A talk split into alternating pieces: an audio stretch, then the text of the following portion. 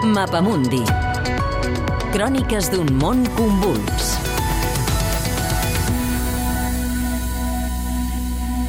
El moviment pacifista a Itàlia, ni amb Putin ni amb l'OTAN. La guerra a Ucraïna ha despertat el front pacifista a Itàlia, un moviment transversal i heterogeni d'estudiants, treballadors, intel·lectuals, contrari a la guerra i a l'enviament d'armes i que creu fermament que com més s'ajudi a resistir els ucraïnesos, més duraran els combats, més morts hi haurà i més costarà recosir la pau, com han demostrat les grans manifestacions de Milà i Roma, on van participar també els sindicats. Mauricio Landini és el secretari general de la CGL.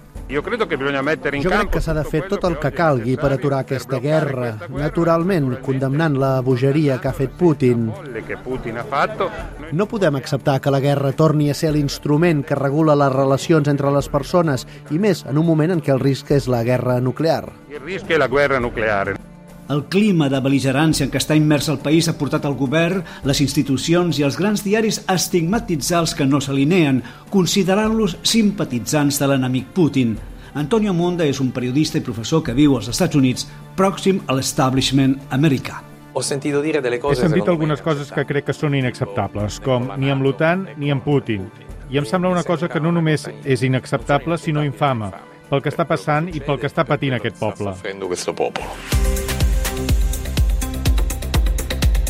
Un titular del diari República dies enrere deia que entre filòsofs i historiadors hi ha un front que no pren partit pel país agredit, sostenint que les posicions neutrals posen agredits i agressors al mateix nivell. En realitat, aquest front té teories molt precises sobre l'actual conflicte. De fet, mentre el sociòleg Alessandro Orsini, per exemple, dona suport a la tesi que està en marxa un xoc entre potències i no entre Rússia i Ucraïna, el filòsof Diego Fusaro afirma que Europa se'n penedirà del que està fent. È inutile che continuiamo a dire che És inútil que continuem dient que Europa promou la pau quan envia armes i militars obertament ofensius.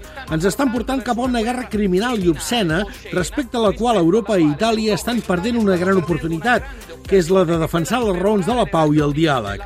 Perquè, com deia Jean-Paul Sartre, a la guerra entre rics mor sempre la gent pobra. Chi muore sempre la povera gente. Es parla molt dels efectes d'una guerra devastadora i dramàtica, però poc de les causes històriques que l'han provocat. Segons l'acadèmic i historiador Luciano Canfora, la causa principal ha estat la política expansionista de l'Aliança Atlàntica que ha portat l'OTAN fins als països bàltics, Polònia i ara Ucraïna. È possibile che una grande potenza... És possible que una gran potència accepti ser rebaixada? Una vella entrevista a Putin culminava amb aquesta consideració. Instem els nostres amics occidentals a respectar la dignitat del nostre país, és a dir, a tractar-nos en igualtat de condicions.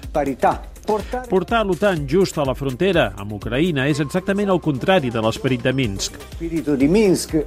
Els acords a Minsk, de fet, no s'han respectat mai ni abans ni després de la firma el 2014, alimentant en tota la zona els nacionalismes ucraïnès i rus davant la inoperància d'Europa, com explica Massimo Cacciari, exalcalde de Venècia i filòsof. Anche armato, El conflicte, inclòs el conflicte armat, fa almenys 12 anys que existeix. I tu què has fet a Europa? No t'hauries pogut moure una mica abans? No podries haver entès i valorat les posicions russes de manera més realista? O evitar que es precipitessin d'aquesta manera? Avui, però, és el moment de cessar el foc. I per aturar el foc s'ha de negociar amb Rússia. Poco occorre trattare con la Russia. Neutralitat austríaca o sueca? Serà aquesta la fórmula màgica que pot posar fi a la guerra?